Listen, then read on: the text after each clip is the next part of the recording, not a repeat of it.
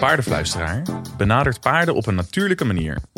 De relatie met het dier ontstaat door paardvriendelijke communicatie, zoals verbeeld in de film The Horse Whisperer van en met Robert Redford uit 1998. Een ghost whisperer ziet en communiceert met geesten, zoals Jennifer Love Hewitt doet in de gelijknamige, behoorlijk middelmatige serie die u bij deze weer kunt vergeten. In de Formule 1 bestaan bandenfluisteraars. Max Verstappen krijgt de bijnaam omdat hij dankzij zijn soepele rijstijl het rubber van zijn banden zo lang heel houdt. Maar ook Lewis Hamilton verdient het predicaat. 40 ronden reed hij op Portimao op mediumbanden een hoogstaande race. Perfect, weer. Maar daar gaan we het vandaag verder niet over hebben, want perfectie gaat op den duur vervelen. Toch René? Ja, goed gezegd. Dank je. Ja. Waar wil je het wel over hebben? Nou ja, uh, laten we het eens even. Moeten we niet eens een keer wat over Prins Bira zeggen Ja. af en toe? Ja, misschien wel. Het heet zo. Hè? Ja. Dus de, de Thaise prins die Formule 1 reed in de jaren 30, 40, 50. Ja, ik heb geprobeerd in een van zijn biografie. In zijn- een van zijn biografieën iets te vinden over met een connectie met Portugal. En het enige wat ik kan vinden is dat Prins Bira in 1935 een lange vakantie heeft gedaan in zijn Bentley door Portugal heen. En dat hij toen bij terugkomst het appartement boven zijn appartement heeft gekocht. Zodat hij daar een treinenkamer van kon maken. Waar hij al zijn modeltreintjes in kon Wauw. Dat is wel heel. Ik zie het helemaal voor me, weet Ja. je dat? Ik zie hem daar met de treintjes spelen. Precies. En dan nu terug naar het heden. Ja, en ik had nog wel Prins Bira in Portugal gegoogeld, ja, maar ik kreeg helemaal niks. Nee, dan moet je, de, dan moet je toch echt eh, de, de boeken voor Ik krijg elke keer als ik Prins Bira iets over hem opzoek, krijg ik dat hij dus op Zandvoort toen eh, iets heeft gewonnen. Een Ja. keer, maar nog voordat de Formule 1 daar reed. Precies, ja, ja, Ja. Toen het nog niet zo heette. Nee. Toen het daadwerkelijk Formule 1 heette, kwam hij niet verder dan twee vijfde plaatsen of iets dergelijks. Maar goed, hij was samen met Juan Manuel Vanjo de enige eh, coureur in begin jaren 50 die niet uit Europa kwam. Ja. En ik hoop dat het waar is wat ik zeg. Volgens mij wel. En anders Ja. mogen mensen mij corrigeren. Nou, we zitten hier ook weer met Bel. Ja, hallo. Goedemorgen. Goedemorgen. Heb jij de race gekeken gisteren? Zeker. Ja. Wat vond je ervan? Ik vond het begin heel spannend. Echt, eh, ja, iedereen ging eigenlijk van hot naar her. En het was spannend. En een Sainz die begint. En een Hamilton die opeens op drie ligt. Ik vond het echt spannend. Ja. Ehm, en daarna werd het eigenlijk, naarmate de race verder ging, weer hetzelfde verhaal. Ja. maar dat we gaan, eh, ja, dus ieder, mensen die het hebben gezien, die weten het. Ja. Ik zeg, we willen geen spoilers weggeven, maar dat is een beetje Nee, onzin. Want ik ja. neem aan dat iedereen die deze podcast luistert, de race heeft gezien. En we gaan zo, hè, dit was even een soort van, toch een soort teaser. want ik wil eigenlijk eerst nog van jou even weten, René, wat het nieuws is van de afgelopen weken. Want er is zeker wel nieuws te melden. Eh, nou, eens even goed nadenken. Ja, nou, het grootste nieuws is dat eh, Haas F1 eh, hun beide coureurs Ja, eruit beide ook. Ja, Eerst zijpelden er wat berichtjes door dat Grosjean weg moest. En toen later bleek het ook Magnussen te zijn. Ja, nou, vond ik al dat ze het lang uithielden, die twee coureurs. Maar, dat, maar ze gaan dan nu... Mick Schumacher gaat er rijden. Ja. Want hè, zoals we al eerder zeiden, Mick Schumacher moet. Die Daar moeten we we- allemaal van houden. en Die, Die moet moeten we komen. vet vinden. En dan eh, die tweede coureur wordt dan toch die eh, Nikita Mazepin. Marsepein. Ja, we vanaf nu gewoon Ja. gaan noemen. Maar ehm, ik ga even met, met hernieuwde interesse kijken. eh, als, zodra ze in Bahrein zijn met Formule 1, dan doet de Formule 2, waar de heer Mazepin in rijdt, doen hun laatste twee races. Oké. En ik heb uitgezocht, hij staat nu zesde in het kampioenschap. Ja. Maar mocht hij nou achtste of negende eindigen, dan heeft hij niet genoeg punten om een Formule 1 superlicentie te halen. En dan mag hij dus niet rijden Oh, in de echt? Formule 1 volgend jaar. Ja. Oh. Dus er is nog een kans dat dat helemaal niet gaat gebeuren? Ja, kleine kans. Want kijk, als je als ze- zesde staat in de Formule 2, dan, dan is het niveau al niet hoog. En achter hem zit geloof ik één eh, coureur uit China. Ja, nou dan gaan we dan maar op hopen dat hij eh, hem verschalkt of zo. Hmm. Dus dat, eh, we gaan het. Maar het is dus, we kunnen nu al stellen dat het sowieso geen hoogvlieger is.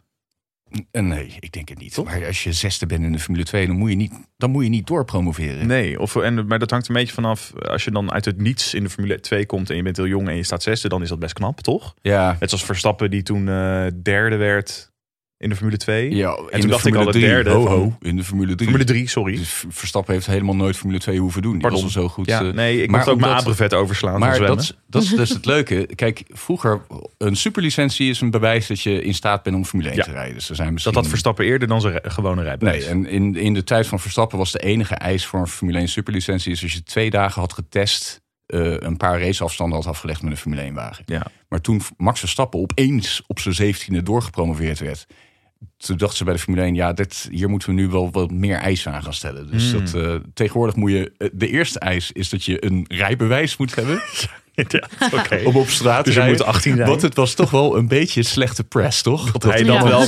Tuurlijk, dat hij, vier, dat hij met 350 km per uur over circuits reed... maar geen ja, auto mocht rijden. geen auto mocht rijden. En de tweede eisen werd dat je in, in de opstapklasses in de laatste drie jaar toch wel hogere klasseren, klasseringen had moeten bereiken. Ja. Dus eh, ik geloof de Formule 2 titel is voldoende om in één keer door te, te knallen. Maar eh, Hij was wat vroeg, ja. ja, ik moet, ik moet eerlijk zeggen, als ik terugkijk, ja, ik, hè, ik volg Max Verstappen al een beetje sinds de karting, maar toen die werd gepromoveerd op zijn, toen die op zijn zeventiende Formule 1 zou rijden, dacht ik ook van god, als dit maar goed gaat, weet je, want Ja, het is wel een beetje... Het voelt een beetje onverantwoord, toch? Ja. Dat er Hij hij kan zich- minderjarig iemand... hij kon zich ook doodrijden. Ja, stel je voor. Ja. Als dat, dat stel je voor dat hij toen op zijn zeventiende...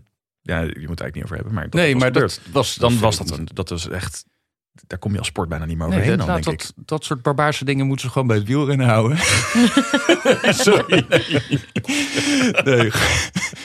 Maar ja, nee, maar Max Verstappen maakte zijn debuut in de vrije training van de Grand Prix van Japan 2014. En dat precies hetzelfde weekend dat Jules Bianchi door een freak accident het leven liet. Dus Ja. dat eh, als laatste coureur. Dus dat, maar godsdank is hij nog 18 geworden en eh, Ja, is hij nu 21 en heeft hij is iedereen 23 een, inmiddels al. 23 en heeft hij een veilige leeftijd bereikt waarop wij gewoon Ja. hem eh, ja, een ongeluk kunnen zien krijgen en denken, nou, hij heeft daar toch alles uitgehaald. Jeetje, wat is dit een lugubere gedachte. Dat was- Ja, nou hij- ja, ik heb een paar jaar mijn hart Nou, vastgehouden en nu is het En nu vast is het heel- klaar. Nu Ja. maakt het niet meer uit. Nou, als ik zou het nog steeds wel heel. Nee, we gaan dit. Ik ga het allemaal afkloppen bij deze. Oké.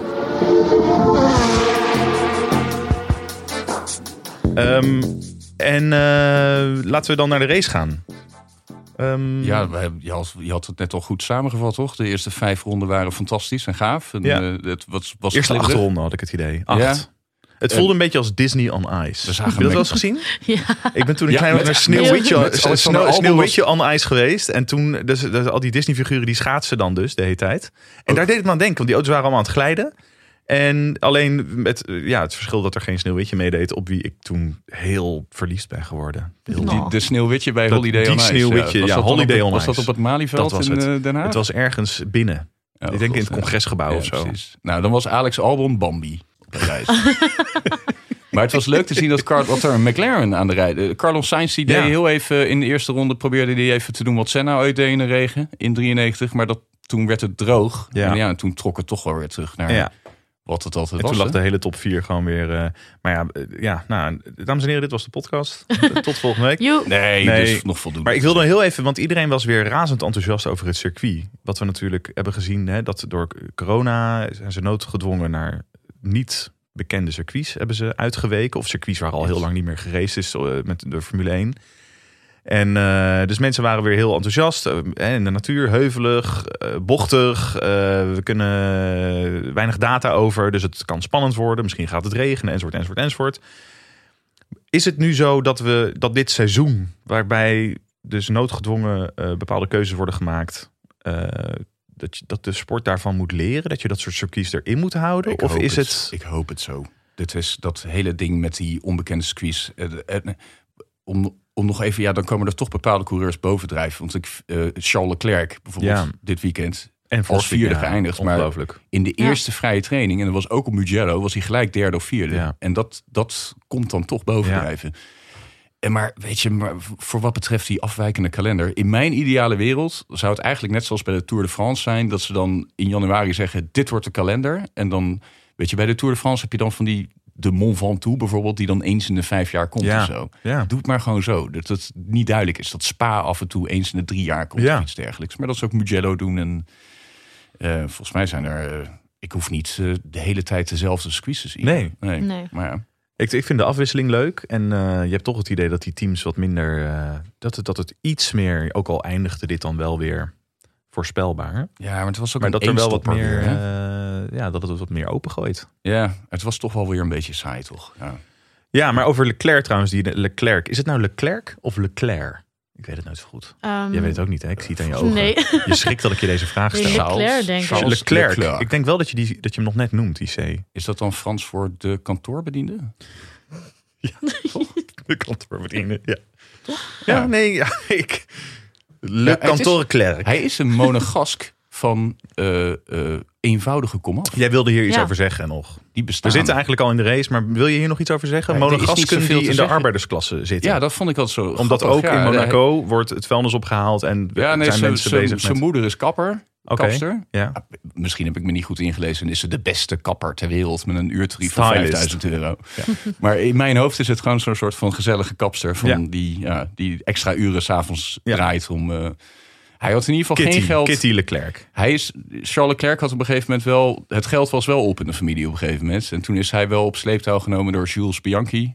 Die Ja. ook zijn peetvader was. Maar die is dood dus. Oh ja, ja, die is, dood. eh, zijn echte vader is dood en zijn peetvader is dood. Jeetje. Dus Charles Leclerc die komt wel uit een... eh, Hij heeft wel een hogere gunfactor dan Verstappen, hè? Ja, vind ik ook wel. Stiekem. Ja. Ja. Ja. Maar ik kan trouwens, ik kan Max Verstappen niet meer serieus nemen, moet ik zeggen. Waarom dat- niet? Nee, eh, dat komt omdat. Dat komt omdat ik, eh, ik, ik volg altijd een, eh, een soort van YouTube-persoon die de, ook de races analyseert. Maar die geeft die, die geeft die coureurs altijd bijnamen. En ik zat dat dit weekend te luisteren en die refereerde naar Max Verstappen als de buitenechtelijke zoon van Jackie Kennedy. En ja, eh, dus laat het even een Easter egg zijn voor de luisteraars. Ga alsjeblieft nu op Google zoeken naar foto's van Jackie Kennedy. Ik heb er even een paar meegenomen. Kijk even. Oh ja. Ja, nou, ik vind het, ja, het lijkt wel. Ja, oh ja, wow, ja, inderdaad. Dat is eng, hè? Ja, Maar nu zie je gewoon wat je wil zien, denk ik. Ja, dat is nou, we willen Max dit wel zien. Kennedy ja. Onassis.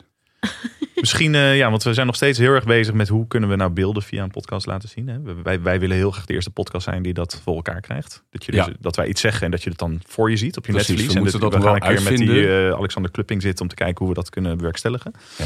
En, maar eh, voor nu, eh, Google het zelf vooral even en kijk of je het ook of je het met ons eens bent. ja. Ehm, ja, die Leclerc. Ja, en Vettel die zei nog eh, over na de kwalificatie van hij zit, hij zit op dit moment echt in een andere league dan ik. Die snapt er gewoon niks meer van. Oh, dat heeft hij... Vettel eh, zei dat over gaaf, Leclerc. ja, ja. Die- Want Echt? Vettel heeft zich als, die had zich als dertiende gekwalificeerd of iets dergelijks. Ik weet niet precies. Ja. Maar het scheelde veel, zoals eh, de afgelopen races het steeds veel heeft gescheeld. ja, echt veel, ja. En ehm, eigenlijk snapt bijna niemand hoe hij in die best wel brakke Ferrari steeds vierde wordt nu. Want er is wel duidelijk verschil dan tussen, de, tussen Verstappen en de Mercedes en hem. Maar ehm, dat is echt, hij, hij is buitenaards aan het presteren Ja, hij in die wagen. echt. Ja, ja. Ja. absoluut. Ik denk dat wat hij wekelijks doet is het knapst. En Vettel die, Ja, die wel. kan, kan Ja. gewoon niet met die wagen overweg dit seizoen of iets dergelijks. Hij heeft dat wel eens eerder gehad in 2014, dat die wagen hem niet beviel. En dan, dan, dan valt het kwartje niet voor hem of iets dergelijks. Maar Ja, maar hier heb jij wel eens ook over gezegd dat de, de echte groten der aarde, die kunnen in elke wagen het maximale eruit halen. ja, Dus jij noemde eh, Hamilton, ehm, eh, Alonso, Verstappen. Maar dat ook iemand als Rijkonen en ook vroeger Jos Verstappen... dat die een spe- specifiek soort auto nodig hebben om te kunnen excelleren. Ik, ik geloof en dan, eh, dat het iets te maken heeft. Ja, Verstappen die had altijd. Verstappen heeft zijn beste jaren. Jos Verstappen had zijn beste jaren als hij zei van de auto voelt aan als een kart. Oké. dergelijks. Dus Ja. dat, eh, mijn kennis houdt wel echt op hoe voor een coureur. Ja, dat dan nee, dat, maar ik vind het wel interessant dat je dat zegt. Ik kan me voorstellen, om toch maar even een vergelijking met voetbal te maken, dat eh, bepaalde spelers in elk team eh, kunnen renderen. En sommige spelers die moeten een heel specifiek soort voetbal spelen. Eh, in, ja, een, in een team. Dat zou, zou kunnen inderdaad. Ja, ja, dus dat, maar ja, ja, Alonso en eh, Hamilton. Hamilton heeft in ieder seizoen gewonnen. ja, Met elke wagen. ja, En Alonso, die kun je echt, daar was altijd wel van duidelijk, zeggen de kenners. Ja, daar kun je elk soort auto aan geven. En hij past eh, zijn eigen rijstijl aan aan die auto. ja. En dat zijn de echt grote die dat gewoon hebben. Ja, Ja, Ja, dat is absoluut. wel En interessant. bij Vettel is dat, lijkt dat niet zo te zijn. Die heeft gewoon een bepaald soort Ja.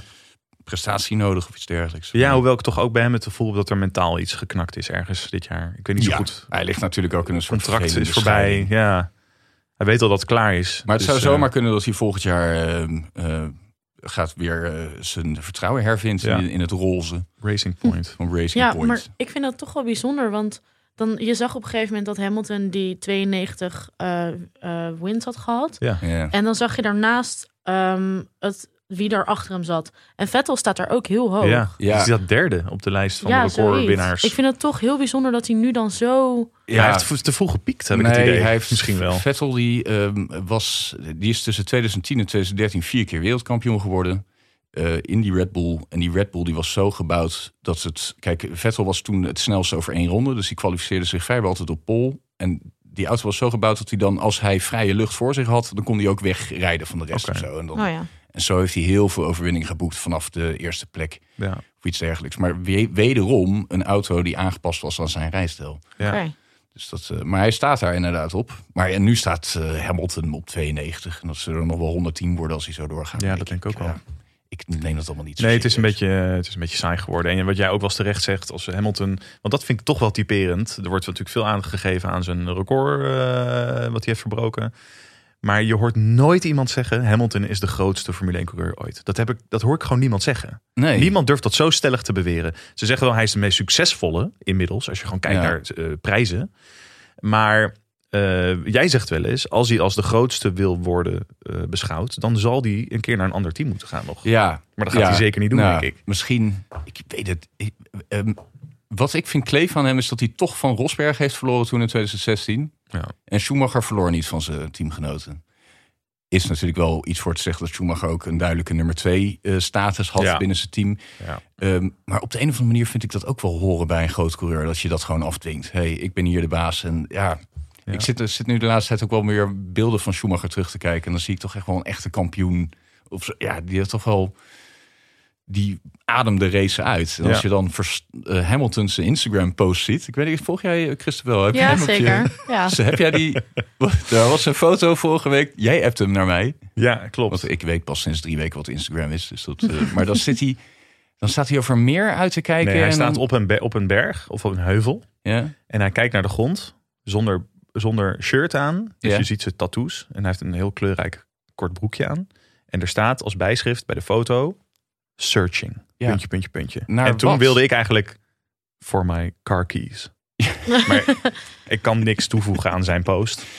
En ik vond het... Ik dacht, misschien moet Prins Bira dit niet ja maar ik, posten. ik, ik snap niet. Waar, waar, wat heeft hij nou? Die jongen die is ooit, die heeft, he- heeft ooit twee dromen gehad. Die, heeft hij, die had hij op zijn 22e al verwezenlijkt. Hij wilde wereldkampioen zijn en hij wilde die langer van de Pussycat Dolls regelen.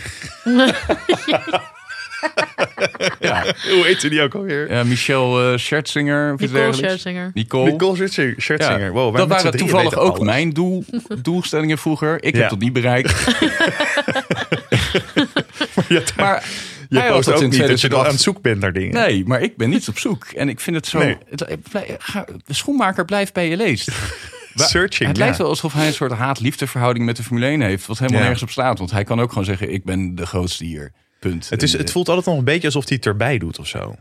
Ja. Ja, eh, hij wil heel graag dan eh, rapper zijn. ja, En hij, heeft die, eh, hij doet mee in een videoclip van Christina Aguilera. Heb je die gezien? het hebben we al genoemd volgens mij ook een paar keer. Eh, noem de het eerste een aflevering. Ja, noem het nog een keer. Ik heb wel het voorbij zien komen. Hij, ja. hij Ja. rapt, ja. En dan denk ik toch, ja, dat past je nou. Ik vind het leuk. Het klinkt goed, maar je- Jij zei een keer tegen mij, het voelt een beetje als, alsof hij overal net niet bij hoort. ja, ik- ja, hij zit dan in zijn vrije tijd, woont hij in Amerika. Ja. En dan gaat hij dan op de verjaardagen langs van andere dat soort types zoals Kevin Hart of iets Ja. dergelijks. En dan denk ik toch, ja, wat.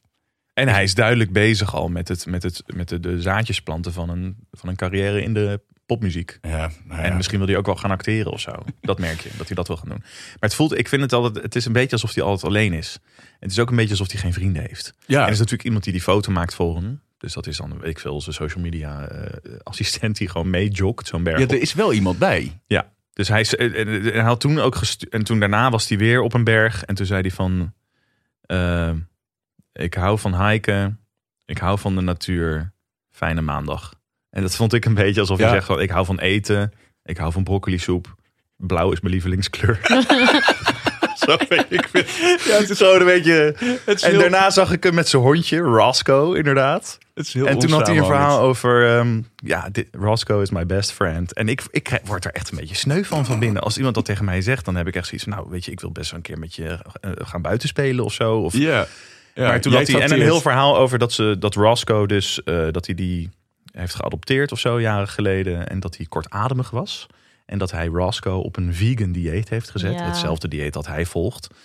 En dat Roscoe nu niet meer kortademig is. Nee. Dus met andere Nee. woorden, veganisme is het medicijn voor Ja. kortademige Als hij, het, hondjes. als hij het over een mens had gehad, dan was het juridisch gezien kwakzalverij geweest. Maar, Ja, en toen zag ik ook een reactie van eh, PETA, dat is toch die, die eh, dierenbond. ja, ja. Die zeiden allemaal van, oh wat super fijn dat Roscoe het zo goed heeft bij je en dat hij zich zo goed voelt. Maar zorg er wel voor dat hij alle nutrition binnenkrijgt die een hond nodig heeft. Dus dat hebben ze.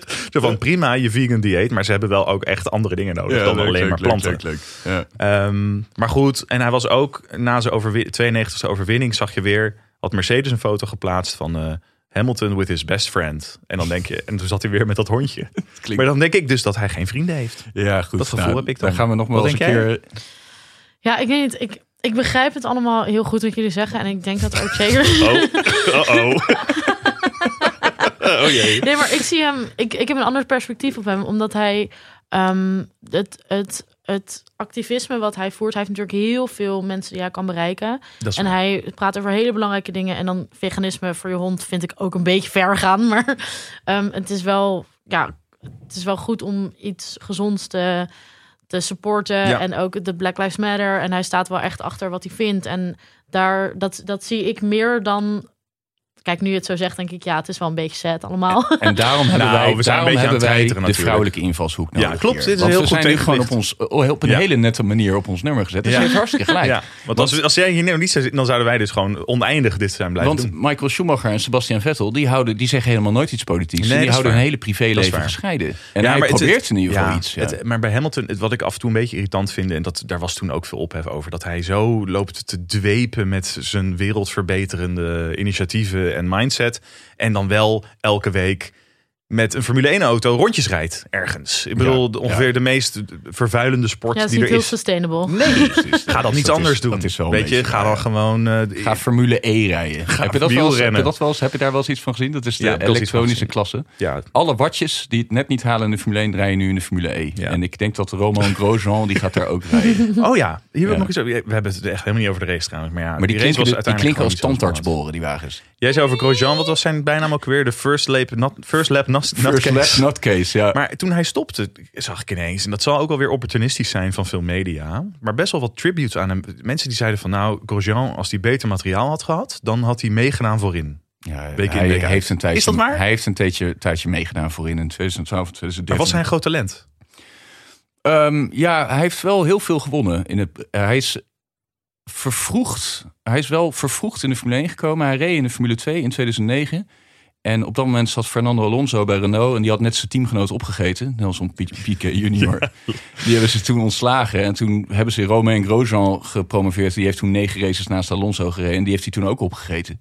Ja. En toen heeft hij zich even herpakt. Dat heeft hij in 2010 en 2011 heeft hij echt alles gewonnen wat er te winnen viel. Formule 2 en de Japanse Formule 2. En toen in 2012 had hij het gewoon afgedwongen. Hij mocht, zijn, hij mocht terugkomen.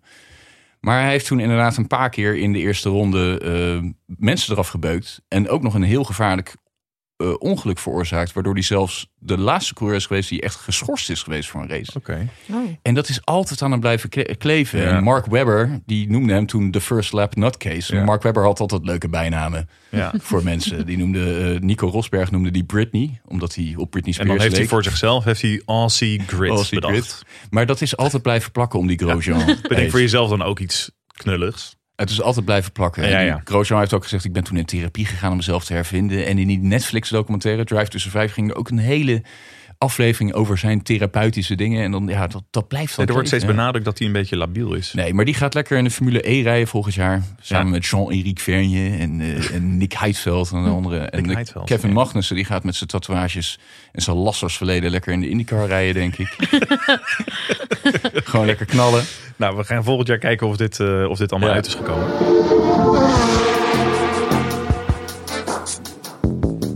Oké, nou, ik wil toch heel eventjes eh, naar de race kijken. Ehm, het was inderdaad, de eerste acht ronden was hartstikke leuk. Ze gleden over, het hele, over de baan. Er waren positieverschuivingen. Sainz reed even voorop. En na die acht races, de banden waren warm. De baan droogde op. Was die nat, weet ik niet. Maar eh, de baan warmde op, denk Nat- ik. Nattig. Nattig, Ja. vochtig, Ja, moist. verraderlijke omstandigheden. En toen eh, zag je dat het allemaal een beetje settelde. Bottas reed een tijdje voorop. Die werd ingehaald door Hamilton. Ja. Die uiteindelijk ook met 25 seconden voorsprong op Ja, hem die ging, finishte. die ging keihard goed, langs hem heen. daar ja, komen we straks nog wel.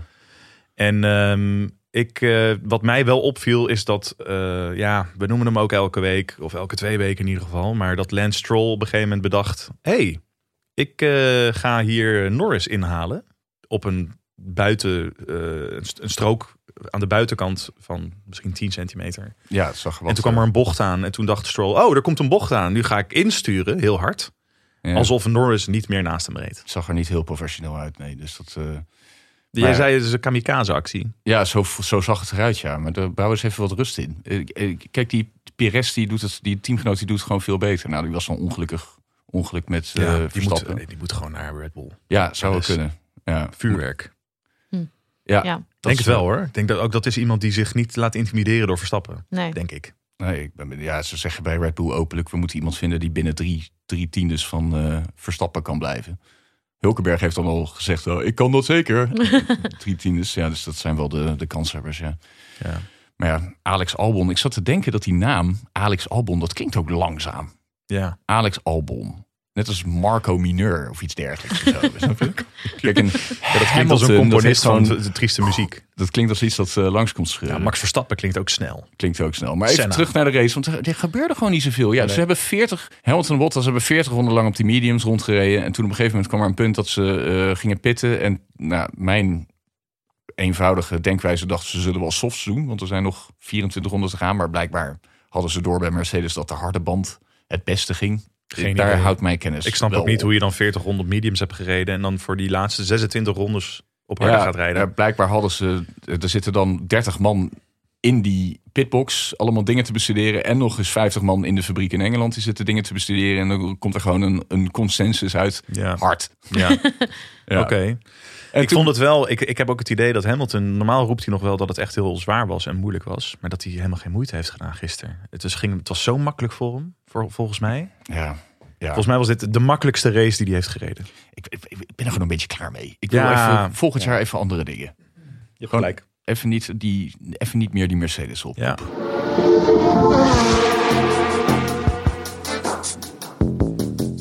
Jij zei op een gegeven moment eh, over Bottas, die we ook natuurlijk niet aan ons voorbij kunnen laten gaan, Nee. dat hij, ik vond het erg leuk als vervent Seinfeld-fan, Ja, eh, dat hij de opposite George tactiek moet gaan toepassen. Ja, misschien dat dat werkt. Dus ja. eh, op een gegeven moment zei Olaf Mol tijdens de race: Hamilton gaat naar hard.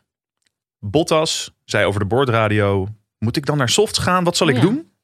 En toen dacht ik: Nou, weet je, ja, je, je rijdt 10, 15 seconden achter Hamilton. En als jij kans wil maken om, de wint, om te winnen, ga je op de snellere zachte band rijden. Die 26 rondes die haal rijden wel mee uit, want je hebt ook al 40 ronden op een mediumband gereden. Dus waarschijnlijk Ja. lukt dat wel. Dan probeer je tenminste iets anders. Doe dat. En toen zei jij dus de opposite George tactiek. Ja. Wat is de opposite George tactiek? Ja, Kun je heel dat even uitleggen? In Seinfeld had je dat karakter George die op een gegeven moment besluit... elke beslissing op, dat ik ooit heb genomen op basis van mijn instincten... heeft me niks opgebracht. En dan gaat hij op een gegeven moment de hele aflevering lang... alles tegen zijn instinct Ja. beslissen. En dan krijgt hij opeens succes. Ja. Nou, misschien dat dat voor Bottas zou werken. Ja. Dat, dat, zijn, dat dat dus Bottas 5.0 zou zijn. Ja. Opposite Bottas. Opposite Bottas. Ja, Misschien kunnen we dit eh, een keer aan hem precies, mailen. Ja. Nou ja, het was dus uiteindelijk, en dat was een beetje jammer, het was verder toch best saai. Het was een nieuw circuit, leuk, al die dingen, al die elementen waarvan we steeds denken eh, dat het het spannend kan maken. Ja. En dat gebeurde uiteindelijk toch niet echt. Ik vond het gas daar zo door uitzien. Daar. Het was heel droog. Ja. Heb, je dat, heb je dat ook gezien, Christabel? Ja, Dat een beetje een soort... Het lag niet aan mijn televisie. Maar het gras is door. Het is gewoon Portugal. Hè? Dat is toch hartstikke Ja, warm daar Is altijd. dat niet het soort van het België van Spanje dan? Of dat, Ik denk dat Spanjaarden dat wel. dat ze wel stelvoller zijn, maar dat de rest alles allemaal net iets minder gas Dat de is. wegen ook meteen slechter worden als je dan de grens over gaat. ja, er is mij wel eens verteld dat het verschil tussen Nederland en België is gewoon die gasbel in Groningen. Ja. dat, verklaart waarom als je de grens over gaat, je gelijk. Ja, maar ik denk dat ook voordat dat gas er was, dat er al verschillen waren. Nee. Maar ik weet het niet. Ehm, ik denk dat het daar gewoon heel droog is.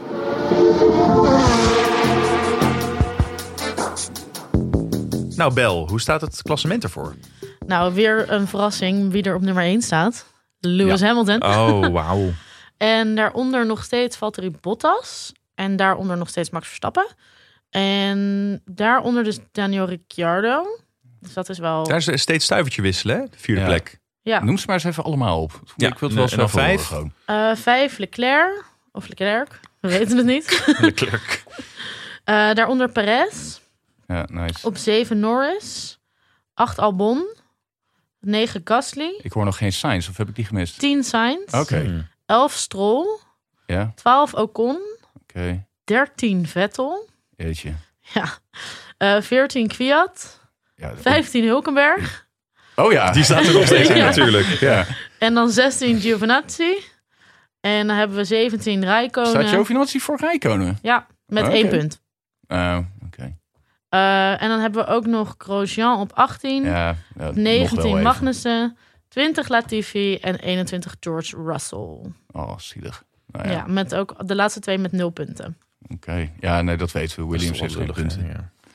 Nou, we gaan zien wat ze er, of ze er nog iets van kunnen bakken. En dan Ja. hebben we ook nog eh, de teams, want daar is het best wel spannend. Ja. Eh, tenminste, Het, echt, het echte kampioenschap. ja, Ja. voor de derde plek is het namelijk wel een beetje spannend. Ja, leuk. Eh, nou, Mercedes natuurlijk op 1 en Red Bull op 2. Mhm. Maar daaronder staat Racing Point Ja. en, eh, met 126 punten. En dan heb je McLaren met 124 op 4 en Renault met 120 op 5. Ga ik toch mijn voorkeur uit kiezen voor McLaren. Voor de derde plek. Dat Ja? lijkt me het leukste. In ieder geval geen Racing Point. Daar heb ik geen zin in. Dus we gaan een beetje extra op McLaren letten. Ik vond het wel mooi. Iemand tweette van eh, hoe lullig voor Sainz dat hij nu van McLaren naar Ferrari gaat. En toen zei iemand, stel dat je dit een paar jaar geleden had gelezen. Dan had je diegene voor gek verklaard. Ja. Maar dat is wel de situatie. Dat is wel wat het is, ja. Ja. Maar ze gaan nu dus naar Imola over twee weken. En dat is een verkorte raceweekend. Dus alleen zaterdag en zondag. Oh ja. Omdat het te lang rijden is tussen die twee locaties. Wauw. Om het op te bouwen. Dus dat, blijkbaar komt het, kun je niet in acht dagen met vrachtwagens van de Algarve naar San Marino rijden.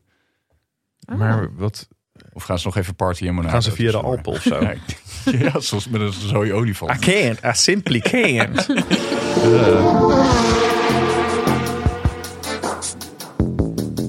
En dan mijn favoriete rubriek uit de bandenstapel. En eigenlijk is dat een groot compliment aan jou, eh, René. Als ik zeg dat het mijn favoriete rubriek is. Oh, wat leuk, ja. Ja. Dat is wel elke week heel erg veel druk op mij om dan weer met een eh knallend Ik weet te ook dat dit is waarom jij op, op de, de nacht Ja. van zondag op maandag niet slaapt. Nee, precies. Ja, maar ik, ik, ik wil dit eens even wat breder proberen te trekken voor mezelf. Dus ik noem het eens even voorbij de bandenstapel. Oké, Oké. Dus interessant. ja, dus, want kijk, anders, eh, hè, het, eh, ik zit nu deze podcast te maken met jou. En als mensen mij nu zien, dan zeggen ze: Oh, dat is die, eh, die jongen van dat racen. En ik heb ook gewoon wel andere. Er zijn meer dingen in de wereld aan de hand, toch? Veel, veel meer. Ja, mensen dragen mondkapjes. En, eh, dus ik zat, ik zat te bedenken. ehm, ik kom nu dus op een leeftijd, hè, jij ook, dat je af en toe dat je, dat je een beetje op zo'n kantelpunt zit, dat je af en toe rechtse ideeën moet afschieten. En dus vorige week dacht ik, eh, oh, het is eigenlijk wel fijn dat het wat warmer wordt. Dus dan is die winter niet zo koud. En, weet je, en De dan opwarming eh, van de aarde bedoel je? ja, dat is ja. Oké, dus ik denk je- wel, ik, leuk, maar wel even voor jezelf spreken. Ja, nee, maar ik had dan al gelijk weer gefixt. Maar een ander ding bijvoorbeeld, was natuurlijk die Famke Louise was laatst in het nieuws. Ja. Toch? En dan was mijn eerste gedachte, was dan weer, wie is die chick nou weer? Weet je, Ja. maar dat is dus verkeerd. Dat moet je niet doen. Die heeft een miljoen volgers. Ja, Dus dat, eh, die heeft, iedereen weet, eh, dat die Famke Louise aan tafel gezeten. je denkt puur Dus- omdat je het zelf niet kent, dat het, dat het ook niet waard is om die bekendheid te Ja, hebben. maar dat moet je dus, Ja, moet dat moet- wel dat is je eigen nemen. Dus ik heb, beperktheid, ja. ik heb een beetje, beetje onderzoek gedaan. En die heeft dus een nummer gemaakt genaamd Vroom. Vroom Vroom. Ja. Nou, ja, Formule 1 auto's doen ook vroom vroom. Ja. Dus, dat- dus ik wil even een paar dingen uit dat nummer erbij halen. Om even toch... Heb jij, heb jij het wel eens gehoord? Ik heb het nooit gehoord, nee. Nee? Oké, Eén moment. Luister even mee.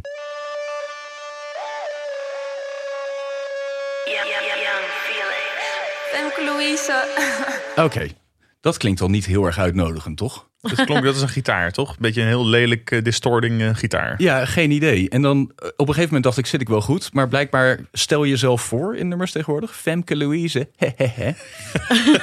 en als je de videoclip kijkt, dan kijk ik, kijk ik toch even jou streng aan, Christabel. Want jij Oh. bent 26, geloof ik. 25. Jij zit dicht bij deze generatie. Maar wat, Ja, wat, is, het, wat is het ding met de jongeren dat ze hun middelvinger opsteken naar de, naar de luisteraars? Ja, dat is hip. Ja? Ja, Laat je dan niet zien dat je een beetje scheid hebt aan alles. Ja, dat je, en dat- dat dat je boven dingen heel hip. staat. Maar Remco, stel je nou eens voor dat Guus Ja, dude. vroeger... ze- Ja, maar oké, wacht even. Is Guus Meeuwis typerend voor onze generatie? Ik bedoel, er werd toch gewoon gangsterrap gemaakt toen Mijn- wij jong waren. Met vroeg- gasten die zeiden van, ik, eh, ik neuk je hele familie en ik schiet ze dood. Mijn Ja. vroegste herinnering was toch echt kedenk, kedenk van Guus Meeuwis. Maar goed, en na deze, Misschien dat je uit het benoorde hout komt. Na deze opening vier maten komt even een couplet en een refrein. Luister even mee. Luister even goed naar de tekst, want daar ga ik straks even wat over zeggen. Misschien koop ik wel een Bentley. Misschien koop ik wel een Honda. In mijn jacka met bondkraag. Rijd het naar de Fashion Week. Vroom.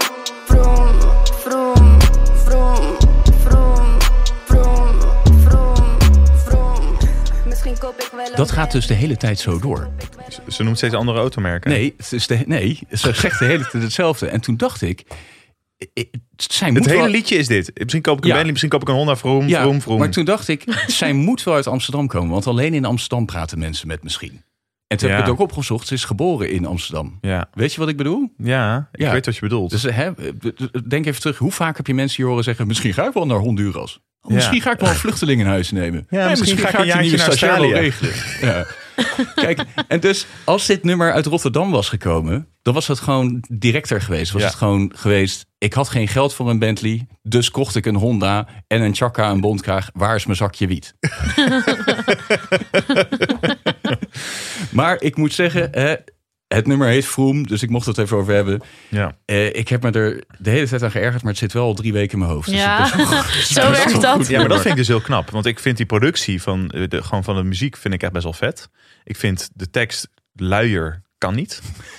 ik vind dat echt heel lui. Ik vind ook dat het dialectje wat ze zich heeft aangemeten, dat is natuurlijk de hypocrisie zelf. Want het zou me ook niks verbazen als ze gewoon uit Oud-Zuid komt. Ja. Maar dat weet ik niet zeker.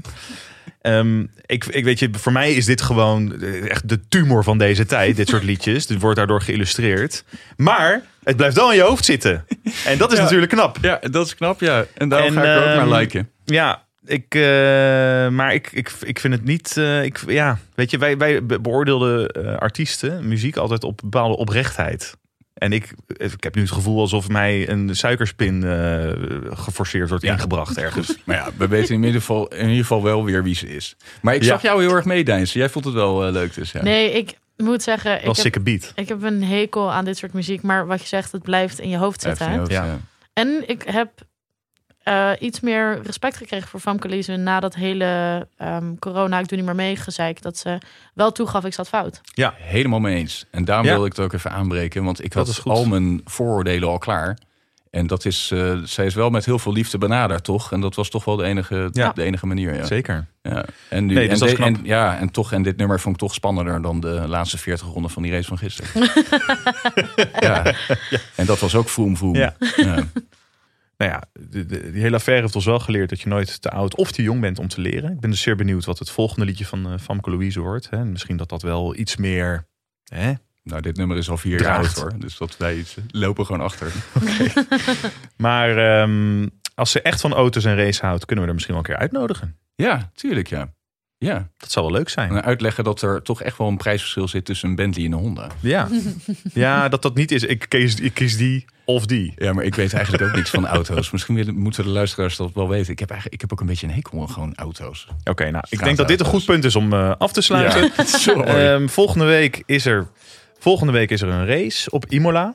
Ik weet niet of jij net iets zei over twee weken, maar dat is over een week. ja, ik zat er weer ik zat ernaast. Ja, maar dat maakt niet uit. Ik bedoel, we moeten al best wel veel dingen onthouden voor deze podcast. Moeten ze flink gassen van de Algarve eh, naar eh, Ja, Imola.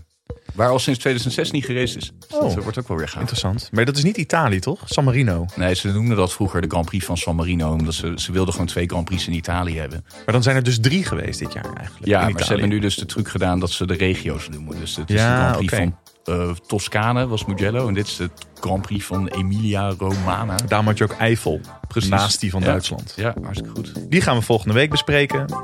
We hopen dat je een fijne week hebt. En tot dan. Doei. Doei!